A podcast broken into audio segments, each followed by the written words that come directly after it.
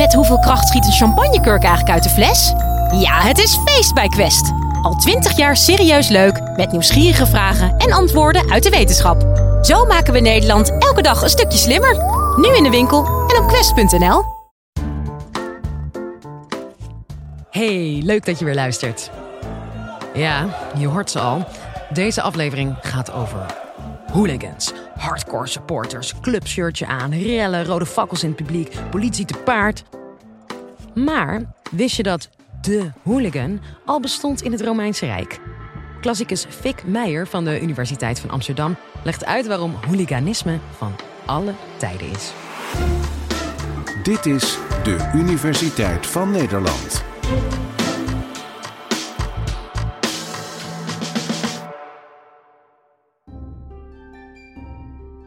Hoe zagen hooligans eruit? Dat is een goede vraag. Hoe zien hooligans er nu uit? Vaak zijn het keurige mensen die op kantoor zitten en zich in het weekend als hooligans gedroegen, gedragen. In de oudheid weten we het eigenlijk alleen van de late oudheid. Daar kom ik straks over te spreken. De hooligans kwamen voor bij een schouwspel, de wagenrennen. U kent wellicht de kreet Panem et circenses. Brood en spelen. En dan denkt iedereen dat zijn brooduitdelingen en de gladiatoren spelen. Maar dat is niet juist.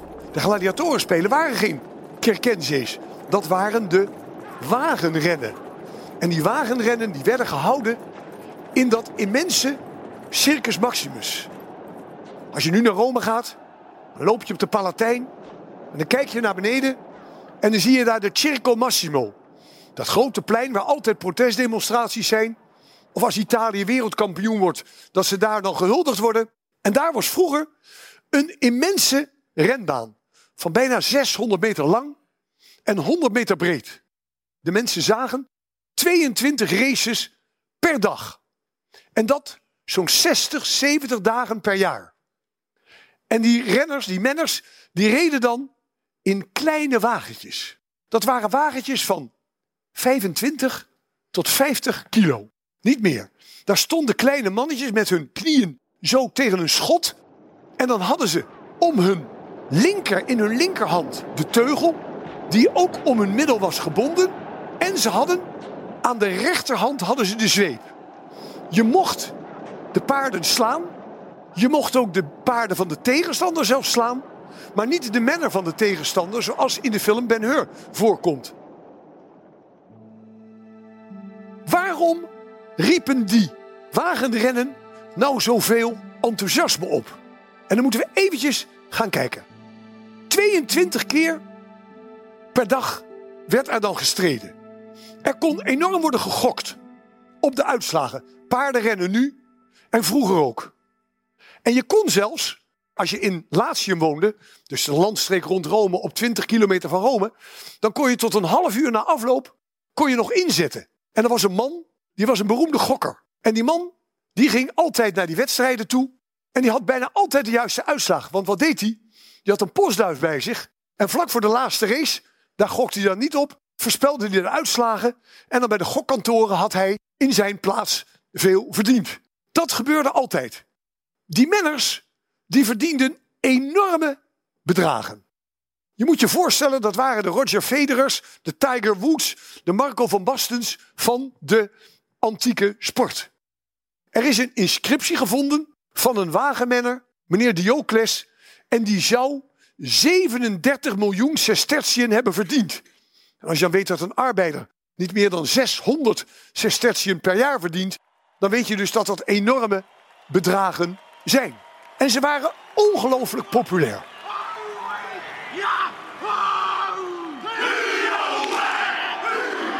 En waarom? Teamsporten roepen altijd meer affiniteit en enthousiasme bij mensen dan individuele sporten. En in de oudheid was wagenrennen niet een individuele sport, maar een teamsport. Er waren vier renstallen. Vier mensen die verschillende kleuren hadden. De groene, de blauwe, de rode en de witte. En die hadden allemaal stallen vlak buiten het oude centrum van Rome. Daar werden paarden gefokt. Paarden werden ingevoerd uit Cappadocië in Turkije, uit Libië, uit Spanje. Dat waren enorm spannende wedstrijden die daar het gevolg van waren. Die menners, die konden getransfereerd worden, net als beroepsvoetballers nu, van de ene stal naar de andere stal. Je kon dus het ene jaar rijden voor de rode, het andere jaar voor de witte, dan voor de blauwe en dan voor de groene.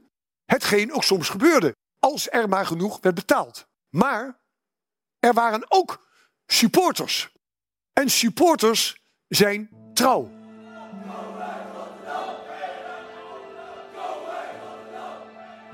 Hier in Amsterdam is het misschien moeilijk als ik zeg dat ik een fanatieke Feyenoord supporter ben. En ik zal dus nooit naar een andere club toe gaan. In de oudheid was dat ook zo. Die mensen waren supporter van één renstal. Waarom van die renstal is onzeker. Kwam dat omdat ze in een bepaalde wijk woonden? Kwam dat omdat ze een bepaalde god of godin aanhingen? Kwam dat omdat ze gesponsord werden door iemand om supporter te zijn? Dat weten we niet. In ieder geval liepen de mensen rond met shirtjes. Shirtjes van de favoriete renstal. De rode, de witte, de groene en de blauwe. En die mensen gingen in de renbaan op de tribunes zitten in speciale vakken. De blauwe bij elkaar, de groene, de rode en de witte. En ze zaten daar dan naast elkaar. Maar in de stad, als zij eenmaal naar buiten kwamen, dan ontstonden er rellen.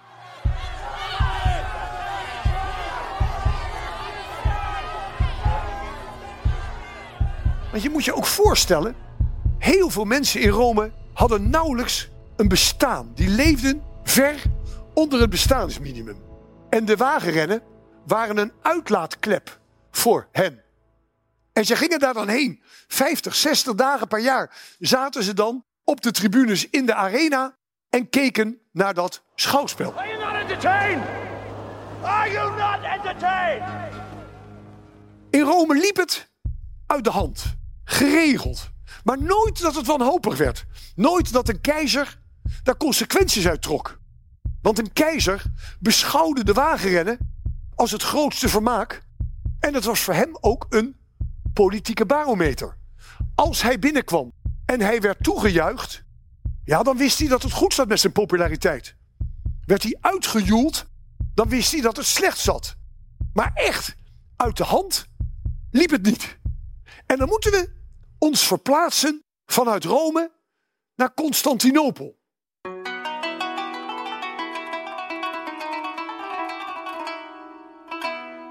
Het huidige Istanbul. Daar had je ook weer die vier renstallen. En de renbaan was op wat nu in Istanbul het Sultan Ahmed-plein is. Dat grote plein dat ze nu helaas met nieuwe klinkers hebben belegd, waardoor je de vorm van de oude renbaan niet meer zo goed kan zien. Maar je ziet daar wel in het midden staan die grote obelisk.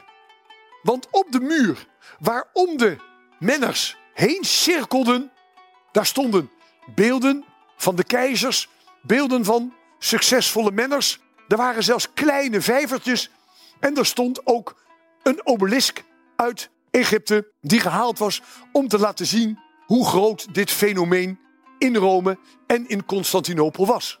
En in Constantinopel hadden de keizers veel meer moeite om het volk tot de orde te roepen. Er waren daar geen gladiatorenspelen meer, want Constantinopel was christelijk. Maar dat was ook geen garantie dat het allemaal rustig liep. En het gevolg daarvan was dat er herhaaldelijk rellen uitbraken. Iedere keizer in Constantinopel heeft wel te maken gekregen met immense rellen. Maar geen rel is zo groot geweest als de rel die bekend staat als het Nika-oproer. Nika betekent win-win. De supporters riepen altijd naar hun uh, renstallen win-win. En op zeker moment, in het jaar 532, is in Constantinopel aan de macht de bekende keizer Justinianus. De bekendste keizer uit het Oost-Romeinse Rijk. En die Justinianus is getrouwd met Theodora. Een vrouw met haar op de tanden. Een vrouw de dochter van een berentemmer en een variété-artieste. En die Justinianus die wordt op zeker moment geconfronteerd met enorme rellen. Hij zit in zijn keizerlijke loge op de tribune en hoort de groene en de blauwe met elkaar ruzie maken. Ze maken ook ruzie buiten de stad. Hij stuurt de ordendiensten erop af, maar het lukt niet. Want die supporters, de hooligans van zowel de blauwen als de groenen, die herkenbaar waren aan hun lange haren, een kaalgemaakt voorhoofd, lange haren vanaf de zijkanten en de achterkant tot ver over hun schouders, gewapend vaak met messen. En die hooligans, die gingen tekeer. Eerst tegen elkaar, maar toen de politie erop afgestuurd werd, kwamen ze in actie. Het gevolg daarvan was dat de keizer wordt een beetje paniekerig. De volgende dag gaat hij weer naar de renbaan en begint dan voor te lezen uit de evangeliën. Dat helpt niet. Weer rellen. In de stad gaan de hooligans tekeer als beesten. Hoeveel het er waren, dat weten we niet. Maar ze gaan echt tekeer. De termen, de warmwaterbaden worden in de fik gestoken. De Hagia Sophia gaat in de fik. Alles gaat in de fik. De stad wordt bijna helemaal kaal gemaakt. Weer de volgende dag gaat hij bidden uit de heilige boeken. Het helpt allemaal niet. En dan wil hij vluchten. En dan zegt Theodora: Nee, we zijn gekozen in het purper en daar zullen we ook in sterven. En wat doet hij dan? Hij luistert naar zijn vrouw. De volgende dag komt hij weer. Leest weer vooruit de boeken. Maar het helpt niet. En dan stuurt hij vanuit de noord- en de zuidzijde. Stuurt hij lege eenheden in de arena, de renbaan in. En die stormen dan de tribunes op. En die gaan daar dan enorm huishouden. En als wij Procopius en andere geschiedschrijvers uit die tijd mogen geloven, dan zijn er in die, op die ene dag 30.000 mensen gedood. Dat was uniek. Dat is nooit eerder en ook nooit daarna voorgekomen.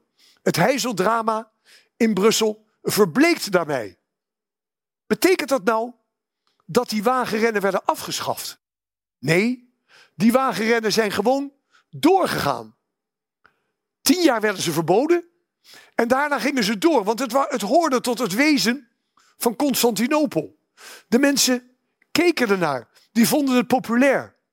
En in tegenstelling tot Rome konden die menners niet alleen als sporthelden weer worden vereerd, maar ze konden ook een maatschappelijke en politieke carrière maken. En die wagenrennen kwamen dan ook gewoon weer terug. En ook de hooligans keerden terug. Want we lezen dat ook nog 50, 60 jaar later er rellen waren. Niet zo groot meer als tijdens dat Nika-oproer, maar wel nog steeds dat ze er waren. Heeft dat nog een positieve ontwikkeling gehad? Ja, er is één positieve ontwikkeling. Als u nu naar Istanbul gaat, dan bezoekt u allemaal de Hagia Sophia. De Hagia Sophia, de kerk van de heilige wijsheid. Er was een kerk van de heilige wijsheid. Die was vlak naast deze grote kerk. En die was klein. Maar de Justinianus, die geconfronteerd werd met een kaalslag in de hele stad, die wilde maar één ding: dat de stad herbouwd werd. En de Hagia Sophia, die totaal was vernield, die werd opgebouwd. Groter en mooier dan ooit tevoren. Dat is wellicht het enige positieve van die grote rellen van het Nika-oproer. Dat er een grote basiliek ontstond met een toren die lijkt te zweven. Zo hadden de wagenrennen toch nog iets En daar moeten de moderne hooligans nog maar voor zorgen. Ik hoop dat ik heb duidelijk gemaakt in dit college dat de wagenrennen iedereen in zijn greep had. Niet alleen de allerarmsten, maar ook keizers bekenden zich tot een renstal. En dat is de les van die wagenrennen die we mee kunnen nemen. Dat iedereen supporter kon zijn van een renstal.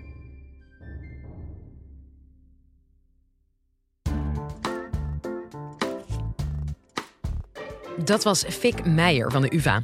Nou, dan valt het bij ons nog best wel mee met al dat voetbalgeweld. Rare jongens, die Romeinen. Jij bedankt voor het luisteren en tot de volgende.